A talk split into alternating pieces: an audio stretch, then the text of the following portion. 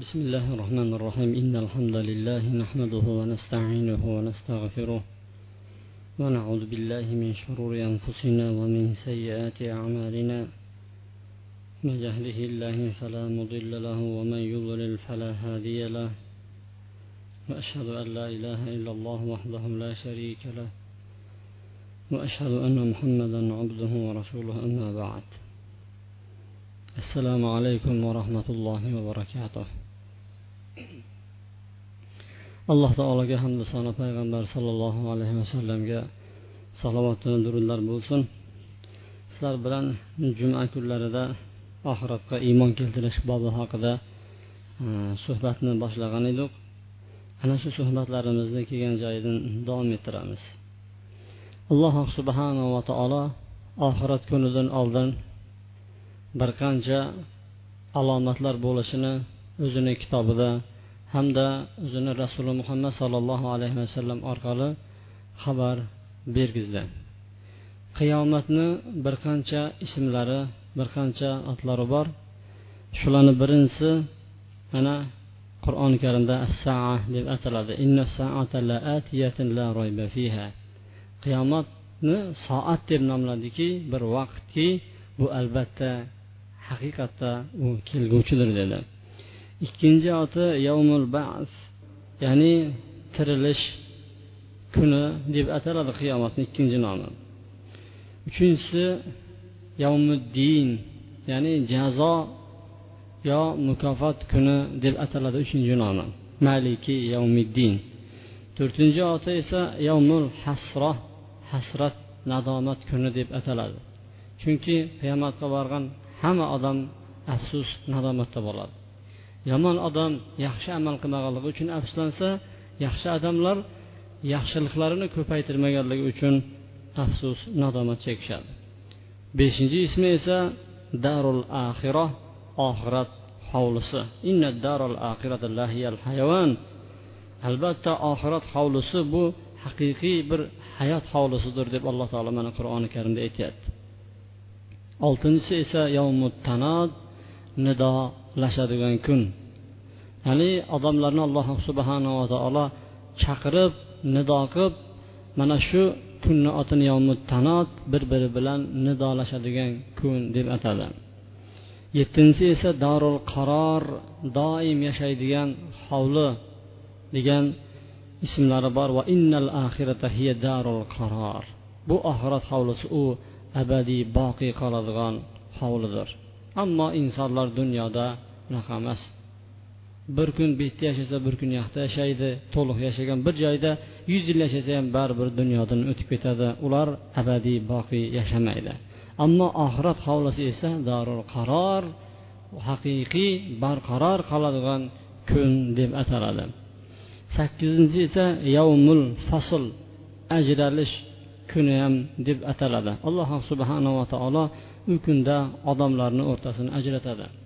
Bir odamni uchta o'nta beshta farzandi bo'ladigan bo'lsa hammasi yaxshi amal qilgan bo'lsayu alloh subhanava taologa hamd etsin alloh taolo ularni jamlaydi. Ammo bordiyu biri namozxon ikkinchisi ichuvchi uchinchisi kashandaxo'r to'rtinchisi zinoko'r zinokor beshinchisi o'g'ri kalla kesar yo'l to'sar bo'ladigan bo'lsa alloh subhanava taolo bularni hammasini ajratib tashlaydi. Yarmini u tomonga yarmini bu tomonga akalar ukalardan otalar o'g'illardan ayollar erlaridan mana shunday alloh subhanava taolo hammasini ajratib yuboradi.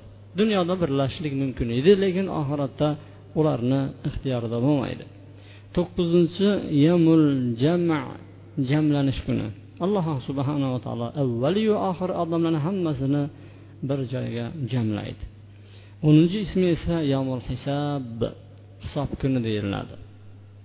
O'n birinchisi esa yomul vaid qo'rqituv kuni deb ataladi. O'n ikkinchi nomi esa yomul xulud ya'ni abadiy kun. O'n uchinchisi yomul xuruj odamlar chiqadigan kun deb ataladi. O'n to'rtinchisi esa al vaqia ya'ni voqe bo'lguvchi degan ma'noni bildiradi. Al haqqo haqiqiy ro'yobga chiquvchi degan ma'noni bildiradi. Tommatul kubro ya'ni dahshatli voqea. Soha degani qattiq qichqirg'uvchi. Qiyomat judayam qiyomatni oldin qattiq bir qichqirish bo'ladi. Azifa ya'ni yaqinlashuvchi yaqin qoldi degan ma'noni bildiradi. Oxirgisi esa al qoria qattiq suratda ovoz chiqib taqirlab gumbirlaguvchi degan ma'noni bildiradi. Mana shularni hammasi qiyomatni qur'oni karimda kelgan ismlari bo'ladi. Alloh subhanava taolo qiyomat kunini bizlardan yashirdi. O'zi aslida ko'p ishlar bizlarga ma'lum emas. Va ulamolar aytadiki allohga hamd bo'lsinki alloh taolo kelajakni bizlardan yashirib qo'ygan ekan. Alloh taologa hamd bo'lsinki kelajakni bizlardan yashirdi. Mana hozir jumadan chiqqanimizdan keyin hammamizni rejamiz bor. Biroq shu rejamiz amalga oshadimi oshmaydimi biz bilmaymiz. Ertani qo'yavering kechni qo'yavering. Jumadan keyingi hali nima bo'lishini bilmaymiz. Lekin hammamiz shu kelajakni bilmaganimiz uchun yaxshi yaxshi bir rejalarni oldiga qo'yamiz. Ana shu rejalarga intilib inson yashaydi. Ammo hammasi ochiq oydin bo'lsa aniq bo'ladigan bo'lsa unda inson uchun yashashni qizig'i ham yo'q. Ertaga nima bo'ladi? U kishi qachon vafot etadi? Ertaga kim vafot etadi? Masalan ba'zini ota onasi ba'zini farzandlari ba'zini o'zini vafoti masalan ma'lum bo'lsa unda hayotni qizig'i bo'lmaydi. Insonni ishlashga bo'lgan qiziqishligi yer yuzida odamlarni harakatlarida bir ma'no qolmaydi. Shuning uchun alloh subhanava taolo bizlardan ko'p narsani yashirdi va yashirgan narsalarni ichida jumladan qiyomat soatini qachon bo'lishini ham yashirdi. Qur'oni karimda ko'p bu savol javoblar bo'lganki sizdan qiyomatni qachon bo'lishi haqida so'raydi. U ayting ollohdan boshqa hech kim bilmaydi deb ayting dedi. Hech kimga bildirmagan ekan. Na eng yaqin farishtasi jabroil alayhissalomga va na eng yaqin payg'ambari muhammad sollallohu alayhi vasallamga aql ishora ham qilib turib mana falon asrdan keyin bo'ladi ham deb aytgan emas. Alloh taolo bu qiyomat kunini yashirdi. Biroq yashirish bilan birgalikda unga ba'zi bir alomatlarni qo'ydi. Qiyomatni oldidan bunaqa bunaqa belgilar bo'ladi. Shunga tayyorgarlanib turinglar. To'zatdan sizlarni ustingizda qiyomat bo'lib turib tavba ham qabul bo'lmaydigan darajada shoshib qolmanglar deb turib qiyomatni oldin bir qancha alomatlar belgilarni alloh taolo qur'oni karimda hamda payg'ambar alayhissalom hadis shariflarida bizlarga bayon qilib aytib ketgan ekan. Savol tug'iladiki endi qiyomat qachon deydigan bo'lsa qiyomat judayam yaqin. Bir ming to'rt yuz yil oldingi tushgan qur'oni karimda qiyomatni yaqin deb talaffuz qilgan ekan aytilgan ekan. Mana bir ming to'rt yuz yil o'tib ketdi. Bu qanaqa yaqin bo'ladi? Bu uzoq vaqtu deydigan bo'lsa alloh taolo aytadiki innahum yarawnahu baida. Ular qiyomatni uzoq deb ko'rishadi. Qariba. Biz uni yaqin deb bilamiz. Chunki kelayotgan narsani hammasi yaqinda alloh subhanava taolo shuncha yil oldin qiyomatni yaqin deb aytgan ekan allohni nazdidagi adadlar sonlar zamonlarga ko'ra qiyomat kuni judayam yaqin. Mana qiyomat ham yaqinlashdiyu oy ikkiga bo'linib ketdi dedi. Oy ikkiga bo'lindi. Demak oyni ikkiga bo'linishligi qiyomatni yaqinlashlik alomatlari bor ekan bo'lar ekan buni inshaalloh o'zini o'rinda sizlar bilan suhbatlashib o'tamiz. Demak qiyomat kuni yaqin ekan. Alloh subhanava taolo qiyomat kuni bizlarni ustimizga to'satdan qilmasin balki oldindan alomatlar belgilar ishoralar bilan yuborgan ekan. Ana shu ishoralarga ko'rgan paytimizda biz tayyor turishimiz kerak ekan. Bu alomatlar uchga bo'linadi. Birinchisi bo'lib o'tib ketgan. Qiyomatni alomatlari bo'lgan o'tib ketgan va qaytib bo'lmaydi endi unisi ikkinchisi bo'lyapti hozirgi kunimizda va davom etyapti. Uchinchisi hali hanuzgacha uni biz shohidi bo'lmagan mana uch turga bo'linadi. Ana shuni ulamolar keltirgan mana bu yerdagi e, adatlari bilan sizlarga o'qib beramizu lekin bu tartib bo'yicha emas. Allohni izni bilan ana shunga kirishamiz. Lekin qiyomatlarni alomati degan so'z u yaxshi yoki bo'lmasa yomon degan ma'noni bildirmaydi. Masalan qiyomatni alomatlarini bittasi bitta erkak kishiga ellikta ayol to'g'ri keladi deydi. Bitta erkak kishiga ellikta ayol to'g'ri keladi degan so'z bu zamon yomon bo'lib ketdi degan ma'no kelib chiqmaydi. Yoki bo'lmasa qiyomatni belgilaridan bittasi payg'ambar alayhissalom meni vafotim dedi. Bu qayg'u musulmon odamga. Yana qiyomatlarni alomatlarining bittasi baytil mahdisni fath qilinishi dedi. Bu yaxshi musulmonlar uchun. Demak qiyomatlar alomatlari voqe bo'ldi degan so'z shu voqe bo'layotgan holatlari yomon yoki yaxshi degan so'z emas. O'ziga qarab turib baho beriladi. Allohga yordam so'ragan holatimizda mana birinchi qiyomatdan oldindan bo'lib o'tgan alomatlarga to'xtalishni mana allohni izni bilan boshlaymiz. Birinchisi payg'ambar sollallohu alayhi vasallamni payg'ambar qilib jo'natilishligi. Payg'ambar alayhissalom aytadiki men bilan qiyomat dedi. Mana shunday jo'natildik deb turib bosh ko'rsatkich barmog'i bilan o'rta barmog'ini jamlab aytgan ekan. Men bilan qiyomatni o'rtasi mana shunday qiyomatni oldida men mana shunday yuborildim deb payg'ambar alayhissalom aytdi. Demak payg'ambar sollallohu alayhi vasallam ikkita qo'llarini ikkita barmoqlarini ishora qildiki bu barmoqlarni o'rtasida boshqa barmoq yo'q.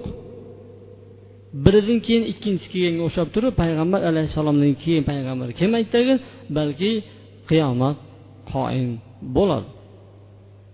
Demak payg'ambar sollallohu alayhi vasallamni payg'ambar qilib jo'natilishligi u qiyomatni birinchi alomat hisoblanar ekan hattoki mana yahudiylar ham aytib yuradiki oxirgi zamon payg'ambari keladi mana sizlarga ko'rsatamiz deb turib boshqa qabilalarga faxrlanib mana shunday maqtanishib yurardi yahudiylar. Navbatdagisi ikkinchi alomati payg'ambar sollallohu alayhi vasallamni vafotlari. Payg'ambar alayhissalom aytadiki qiyomatni oldidan oltita narsani sanab turinglar. Bu qiyomatni belgilari derdi. Shuni bittasi meni vafotim qiyomatni belgilaridan bittasi deb payg'ambar sollallohu alayhi vasallam aytgan ekan. Uchinchisi baytil maqdisni fath qilinishi. Baytil maqdis hozirgi falastindagi masjidil aqsoni bilamiz. Ana shu joy u paytda nasorolarni va yahudiylarni qo'lida edi. Musulmonlarni qo'lida emas edi. Payg'ambar sollallohu alayhi vasallam ana shu baytul maqdisni fath qilishini oldindan xabarini berib aytdiki qiyomat soatidan oldin oltita narsani sanab turinglar oltita narsa bo'ladi.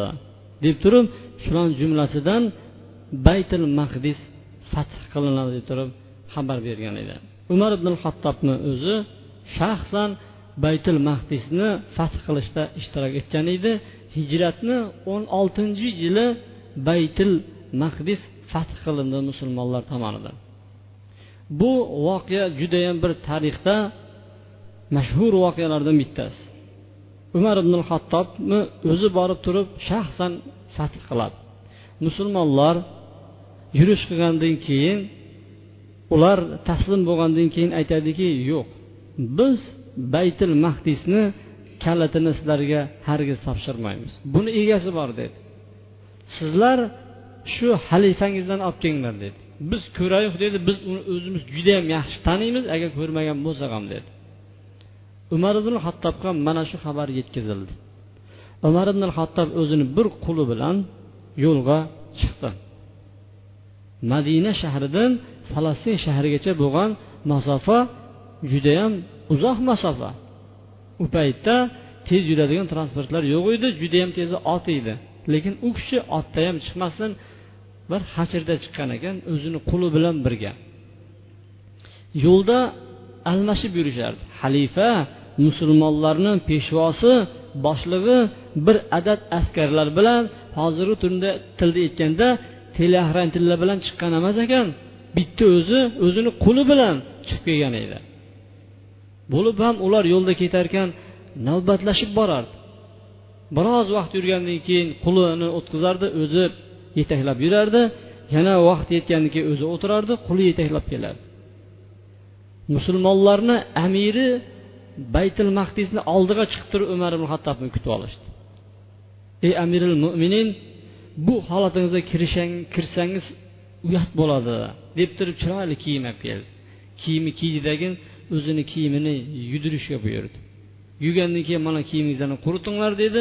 O'zimni kiyimni olib kelinglar dedi. E bo'lmaydi uyat bo'ladi. Siz mashhur bir qavmni oldiga kirmoqchisiz dedi.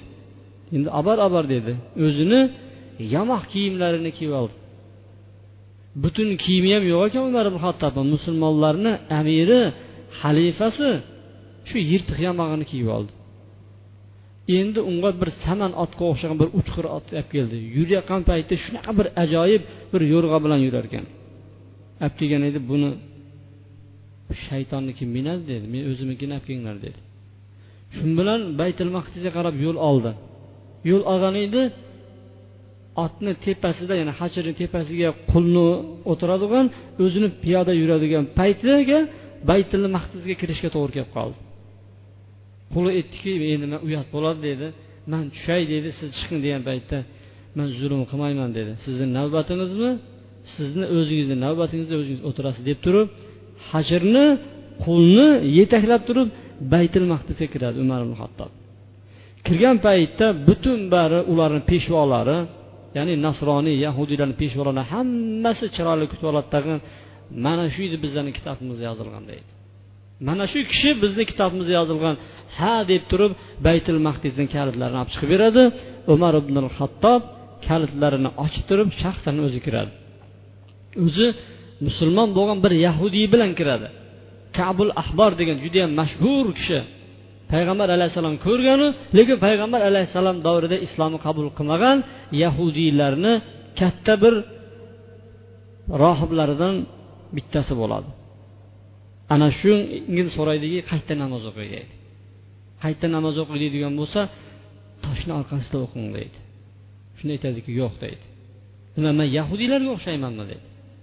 Payg'ambar alayhissalom qayerda o'qigan bo'lsa man ham shu joyda o'qiyman dedi tagin ustidagi ridolarni yechib turib maytil mahsini ichini supurdi tagin namoz o'qidi. Musulmonlar ham kirib o'zlarini kiyimlari bilan yechib supurib turib namoz o'qidi va baytil mahdisni hijratni o'n oltinchi yilida musulmonlar fath qilgan. Payg'ambar alayhissalom aytgan ediki baytil mahdis ikki marta fath bo'ladi degan edi. Birinchisini mana umar ibn xattob fath qilgan ekan. Demak bu umar ibn xattobni fath qilishi payg'ambar alayhissalom xabar berib ketgan bo'lsa buni umar ibn xattobdan oldingi shu yahudiyni kattalari ham bilardi payg'ambar alayhissalom xabar bermasdan. Bir kuni umar ibn xattob shomga safarga chiqadi johiliyat paytida hali islomni qabul qilmagan g'irt johil bo'lgan bir paytida safarga shomga chiqadi shu baytil mahdisni yurtida yurgan paytda bu o'rtoqlaridan kechikib ketadi bozorda yurib. Bozorda kechikib ketgandan keyin endi begona odamda baribir kim bo'lsa ham. Shu bilan ularni katta bir dehqon deb qo'yadi dehqon deb turib shularni ichida katta bir qabila bir boshlig'ini aytadi. Qaraydiki begona odam yuribdi. Nima qilish kerak uni? Ishlatish kerak uni. Shunda uyni oldidan chiqadi tag'in umar hattobni bo'g'ib hovlisiga olib kirib ketadi olib kirib kelib turib bel beradi lapatga beradi mana tuproqni deydi man aytdim olib turib bu yoqqa tashlaysan deydi shu bilan umar xattob aytadiki voy holingga voy bo'lsin bir rumliqqa xizmat qilasanmi san deydi u kishi baquvvat bo'lgan bitta o'zi qurashlik bilan azonni kechgacha urushgan musulmon bo'lgan kuni tongdan boshlagan urushni shomda tugatishgan bitta o'zi hamma qurayshga qarab turib jang qilgan shu kunaqa bir kuchga ega bo'lgan umar hattob aytdiki bir rumni tuprog'ini tashlaymanmi man dedi o'zicha aytdi. Olib kelib berling dedi. Shu bilan lopatkasini oldiga boshiga bir urib o'ldirdi. Tez chuqurlab chuqurlab boyagi yerni o'zini ko'mdi tagin qochdi yo'lni bilmaydi begona karvon bilan kelgan u paytda znaklar bo'lmas edi. Bu yoqqa qarab turib madina bu yoqqa qarab turib falastin degan znak bo'lmas edi. Hamma yoq cho'l. Bu yoqqa qarab ketsangiz yana aylanib aylanib yana qaytib kelishingiz mumkin edi. Cho'l yo'l yo'q. Boshi oqqan tomonga qarab ketdi. Ketaverdi tezlab ketaverdi ketaverdi. Oxirida tun kiruvdi bir yahudiylarni ibodatxonasiga to'g'ri keldi. Uni otini dir deb qo'yadi arab tilida. Shunga kirdidagin uxlab qoldi. Uxlab qoldi azondan tursa bir yahudiyni shu Э, ibodatxonasini peshvosi ko'rdidagin bu shu dedi. Bu xuddi o'zi ana shu deydidagin boyag'ini qo'yib yuring yuring deydi u ichkariga olib kirib ketdidagin ovqat berdi taom berdi yangi kiyimlarni kiydirib qo'ydi boyag'iga kiydirib bu aytdiki bu o'zi dal o'zi deyotganingiz bu gapingiz nima degan edi? Siz dedi. Mana shu meni turgan ibodatxonamni ham dedi. Hamda dedi baytil mahdisni ham dedi hali egalik qilasiz. Shu yerdan podshosi bo'lasiz endi he umar qayerdayu bu podshohliklar qayerdadir dedi. Yo'q siz ishonavering dedi. Manga bir og'iz yozib beringchi dedi. Mana shu e, rohibga omonlik beraman deb yozib bersangiz bo'ldi dedi. Bundoq qarab o'tirdi tag'in yozsam yozib manga kimmandir o'zi dedidagi mana shu rohibga omonlik deb yozib beryubordi shu bilan ketayotgan manga bir iltimos yo'l ko'rsatib yuborsangiz degan edi. Voy yo'l tayyor dedi. Mana meni eshagim dedim. Eshagimda dedi oziq ovqat tayyor ortilgan dedi. Shu palon bir joyga borasiz tag'in borganingizdan keyin eshakni shunda meni uyimga qarab to'g'lab turib cho jonivor desangiz to'ppa to'g'ri qaytib keladi o'zi dedi. Shu bilan umar ibn hattob min dedagi borib turib eshagini qaytarib yuborgan ekan.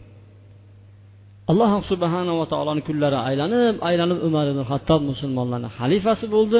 Xalifasi bo'lib turgan paytda bir maktubni keltirishdi maktub haligi diyerni ya'ni ibodatxonani boshlig'i yozib bergan bitim edi. Umar ibn hattob aytdiki ha biz bu ahdga biz vafo qilmasak kim vafo qiladi? dedi. Biz ahdga vafo qilamiz deydidagin yozib faqatgina bir shart dedi shu seni yoningdan qanaqa bir musulmon o'tadigan bo'lsa bir kecha kunduz ziyofat qilib turib unga yo'l ko'rsatib yuborasan bo'ldi.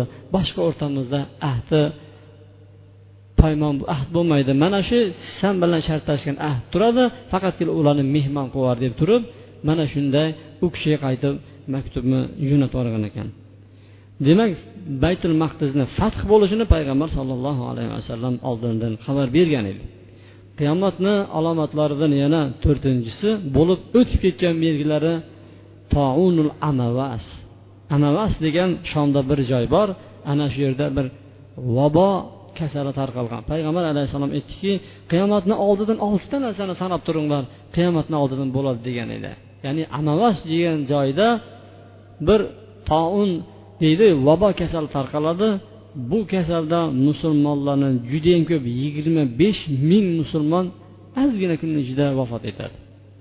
Yigirma besh ming musulmon ya'ni musulmon deyapmiz boshqa bir millatlar ham yashardi u yerda musulmon bo'lmagan. Musulmonlarni ichida yigirma besh ming millat o'lib ketdi. Musulmonlarni hijratni o'n sakkizinchi yili payg'ambar alayhissalom mana shuni xabarini aytgan edi. Xuddi o'lim ko'payib ketadiki qo'ylarni bir kasali bo'lar ekanda shu kasal keladigan bo'lsa tekis qirilib qolar ekan payg'ambar alayhissalom aytdiki ana shunga o'xshagan bir kasallik kelib turib qiyomatni oldidan o'lim ko'payib ketadi degan edi. Bu hijratni o'n sakkizinchi yili baytil maqdisdan keyin ikki yildan keyin ro'y bergan edi. Bu ham payg'ambar sollallohu alayhi vasallamni mo'jizalaridan bittasi. Mana shu vaboda eng mashhur sahobalarni bittasi jannatiy xabar berilgan tirik vaqtida abu ubayda amir ibn jarroh ham shu vabo kasalida vafot etgan ekan. Beshinchisi mol dunyo ko'payib ketib turib sadaqani hech kim qabul qilmas ekan. Payg'ambar sollallohu alayhi vasallamdan abu hurayra roziyallohu anhu rivoyat qilinadi. Qiyomat bo'lmaydi hattoki sizlarni ichingizlarda mol dunyo ko'payib ketadi dedi. Hattoki molni egasini tashvishlantiradigan narsa kim qabul qilarkin meni sadaqamni degan katta bir tashvishi bo'ladi dedi. Abu muso al ashariy roziyallohu anhu rivoyat qilgan hadisda payg'ambar alayhissalom aytdiki odamlarga shunday bir paytlar keladiki dedi. Kishi o'zini oltindan bo'lgan sadaqasini ko'tarib aylanib yurar ekan biroq biron bir qabul qiladigan hech kimni topolmaydi deydi shunday hal bir davrlar keladi dedi. Buni payg'ambar alayhissalom aytdiki manga yer yuzini mashrig'iyu mag'ribi ko'rsatildi. Ummatimni mulklari ana shu joylariga yetadi deb payg'ambar alayhissalom aytdi. Bu haqida kelgan hadislar judayam ko'p lekin bittasiga to'xtalib o'tamiz. Bir kuni payg'ambar alayhissalom oldiga bir kishi keldiki yo'qliqdan shikoyat qilib keldi. Yo'qchilik qurisin yo rasululloh qiynalib ketdik degan paytda yana bitta kishi keldiki yo'l to'siqlar ko'payib ketyapti dedi. Shuni bir hal qilaylikchi degan paytda yonlarida xotam toyni bilasizlar hammangizlar shuni o'g'li adiy o'tirgan edi. Payg'ambar alayhissalom adiyga roziyallohu anhu qarab aytdiki hiyara degan joyni bilasizmi? dedi. Bir makonni bir shaharni eshitganman manga aytishgan edi shunaqa joy borligi deganda daina qabilasidan bir ayol chiqadi hali dedi. Shunday bir paytlar keladiki daina qabilasidan bir ayolni o'zi bir tuyaga o'tirib chiqib hiyara degan joyga borib keladi. Ya'ni borib kabani tavof qilib uyiga qaytib keladiyu hech kimdan qo'rqmaydi. Faqatgina ollohdan qo'rqadi. Boshqa hech kim yo'l to'sar boshqa hech kim qolmaydi deganda bu adini zo'ravonlari bu toy qabilasini zo'ravonlari qayerga ketib qolarkan u payti deb o'ylab qoladi. Kallasiga ishonmaydi u. Nahotki deydi bitta ayolni o'zi payg'ambar alayhissalom erkak demadi. Ayol dedi bir ayol daina qabilasi bir ayol borib kabani tavof qaytib keladi hech kim indamaydi. Dedi bu gap ham sizlarga bir oddiy tuyulayotgan bo'lishi mumkin. Ichingizlarda reysga yuradigan odamlar bormi?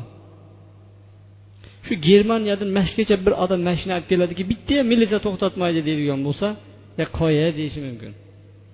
Sal o'xshatish agar joiz bo'ladigan bo'lsa. Shu zayna qabilasida bo'lib ham bir ayol kuch ham yo'q quroli ham yo'q. Bitta o'zi borib keladi. Hali shunaqa zamonlar keladi deganda adi roziyallohu anhu nahotki shunaqa bir paytlar kelar ekan deb qoldi. Payg'ambar alayhissalom aytdiki yana shunday bir paytlar keladiki dedi. Kisroni xazinalarini sizlar ochasizlar dedi. Kisroni xazinalarini shaxsan sizlar ishtirok etasizlar dedi. Bir arab qabilasi u bir burchakda yurgan. Kisro bir katta yer yuzidagi imperiya ikkita katta imperiya bo'lgan bo'lsa shu kisro. Shunda aytdiki kisro ibn hurmuzni aytyapsizmi dedi. Ya'ni kisroni eng kattasi hurmuzni bolasi kisroni shumi deganda ha shuni aytyapman dedi. Unda ham hayron qoldi. Bu oldingisidan ham kattaroq gap edi. Ana shunday bir paytlar keladiki deydi mol dunyo ko'payib ketib turib shu kimga bersamikin mol dunyoni deb turib tashvishlanib kimga berishni bilmay yuradigan hali paytlar keladi. Ey adi deb payg'ambar alayhissalom mana shuni xabarni bergan ekan. Adi roziyallohu anhu o'zini ergashganlarga aytib beradiki mana payg'ambar alayhissalom aytgan edi zoyna qabilasidan bir ayol kelib kabani tavof ketyapti. Hech kimdan qo'rqma faqat ollohdan qo'rqyapti.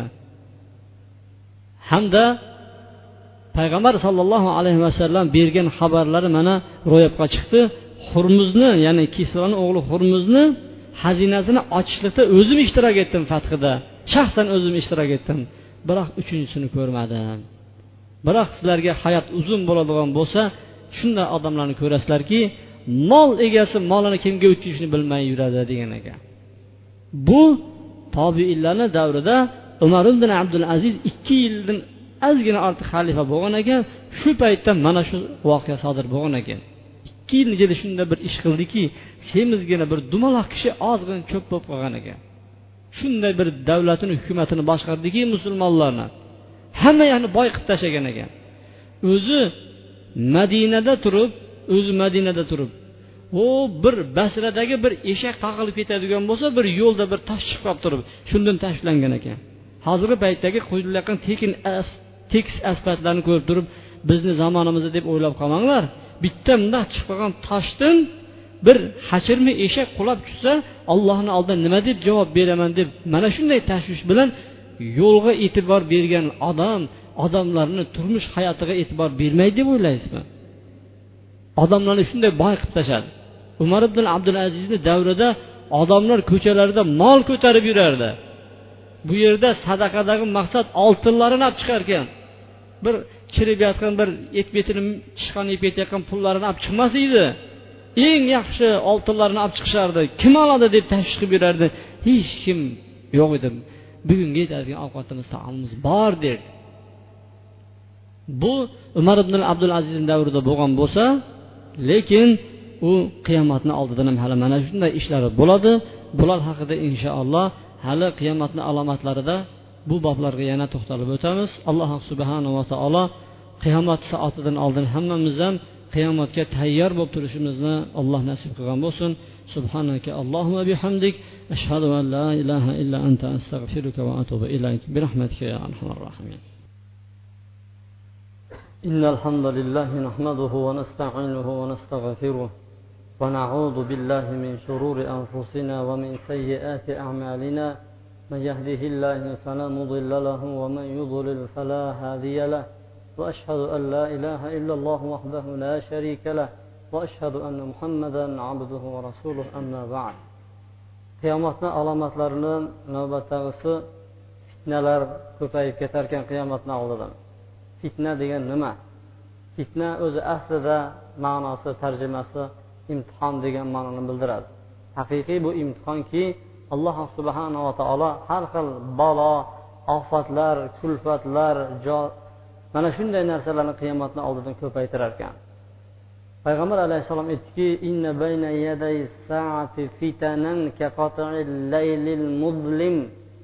qiyomatni oldida shunday bir fitnalar bo'ladi. Bitta fitna emas fitnalar bo'ladi.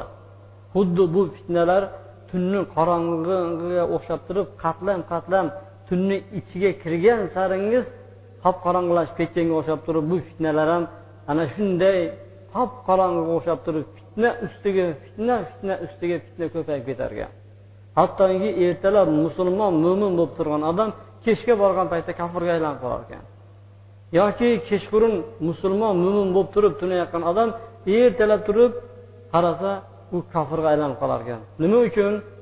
Haq bilan botil almashib ketar ekan botilni odamlar haq deb biladi haqni botil deb biladi. Iymon larzaga tushadi. Ahvollar judayam qiyinlashib ketar ekan payg'ambar alayhissalom aytdiki shu paytda kishi dunyo evaziga dinini sotib yuboradi dedi. Hozirgi paytda ham mana shunday odamlar yo'q emas. Yeyish kerak ichish kerak yashash kerak bola chaqa orttirish kerak deydidagi dunyoni deb turib yolg'on ham gapiraveradi.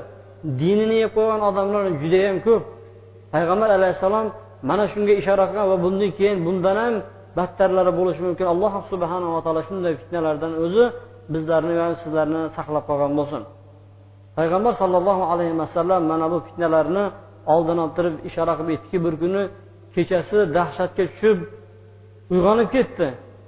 Aytdiki alloh taolo shunday bir xazinalarni tushirdi. Shunday bir fitnalarni tushirdiki balo imtihonlarni bu hujradagi yotgan ayollarni kim uyg'otarkin dedi ya'ni o'zini xatolarga ishora qildi kim uyg'otarkin dedi rubba kasiyatun fid dunya ariyatun fil axira dunyoda ko'p odamlar bor kiyinib yurgan ko'pchilik bor oxiratda qip bo'ladi ular dedi nima uchun? Chunki dinini dunyosiga almashtirib dindan voz kechib yuborgan odamlar har turli o'ziga bir zebu ziynatga dunyo matolariga o'ralib yurgan shunday kiyim kiygan odamlar oxiratda qip yalang'och bo'ladi dinini sotib yuborganligi uchun deb payg'ambar alayhissalom aytdi. Bu fitnalarni inshaalloh kelasi jumamizda batafsil bo'lmasa ham qisqa qisqa to'xtalib o'tamiz. Alloh subhanava taolo ana shunday fitnalardan saqlasin o'zi hammamizni payg'ambar alayhissalom aytdiki inna hadihi umma mana bu ummatga dedi. Ummatni mana shu ummatni dedi. Musulmon ummatini tinchlik ofiyat rohat u avvalida qilindi dedi. Sahobalarni tobeinlarni davrida.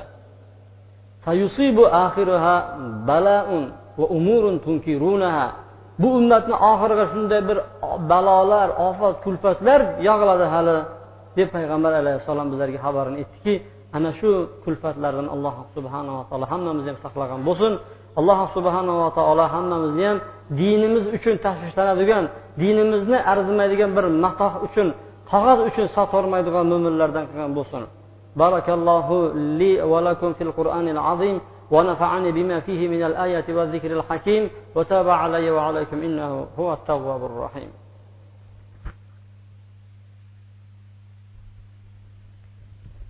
الحمد لله رب العالمين والعاقبة للمتقين والصلاة والسلام على خير خلق محمد وعلى آله وصحبه أجمعين. اللهم صل وسلم وبارك على محمد وعلى آل محمد كما صليت على إبراهيم وعلى آل إبراهيم في العالمين إنك حميد مجيد. وارض اللهم خلفاء الراشدين المهديين أبي بكر وعمر وعثمان وعلي وعن بقية الصحابة أجمعين. وارحمنا معهم واحشرنا منهم. برحمتك يا أرحم الراحمين. أقم الصلاة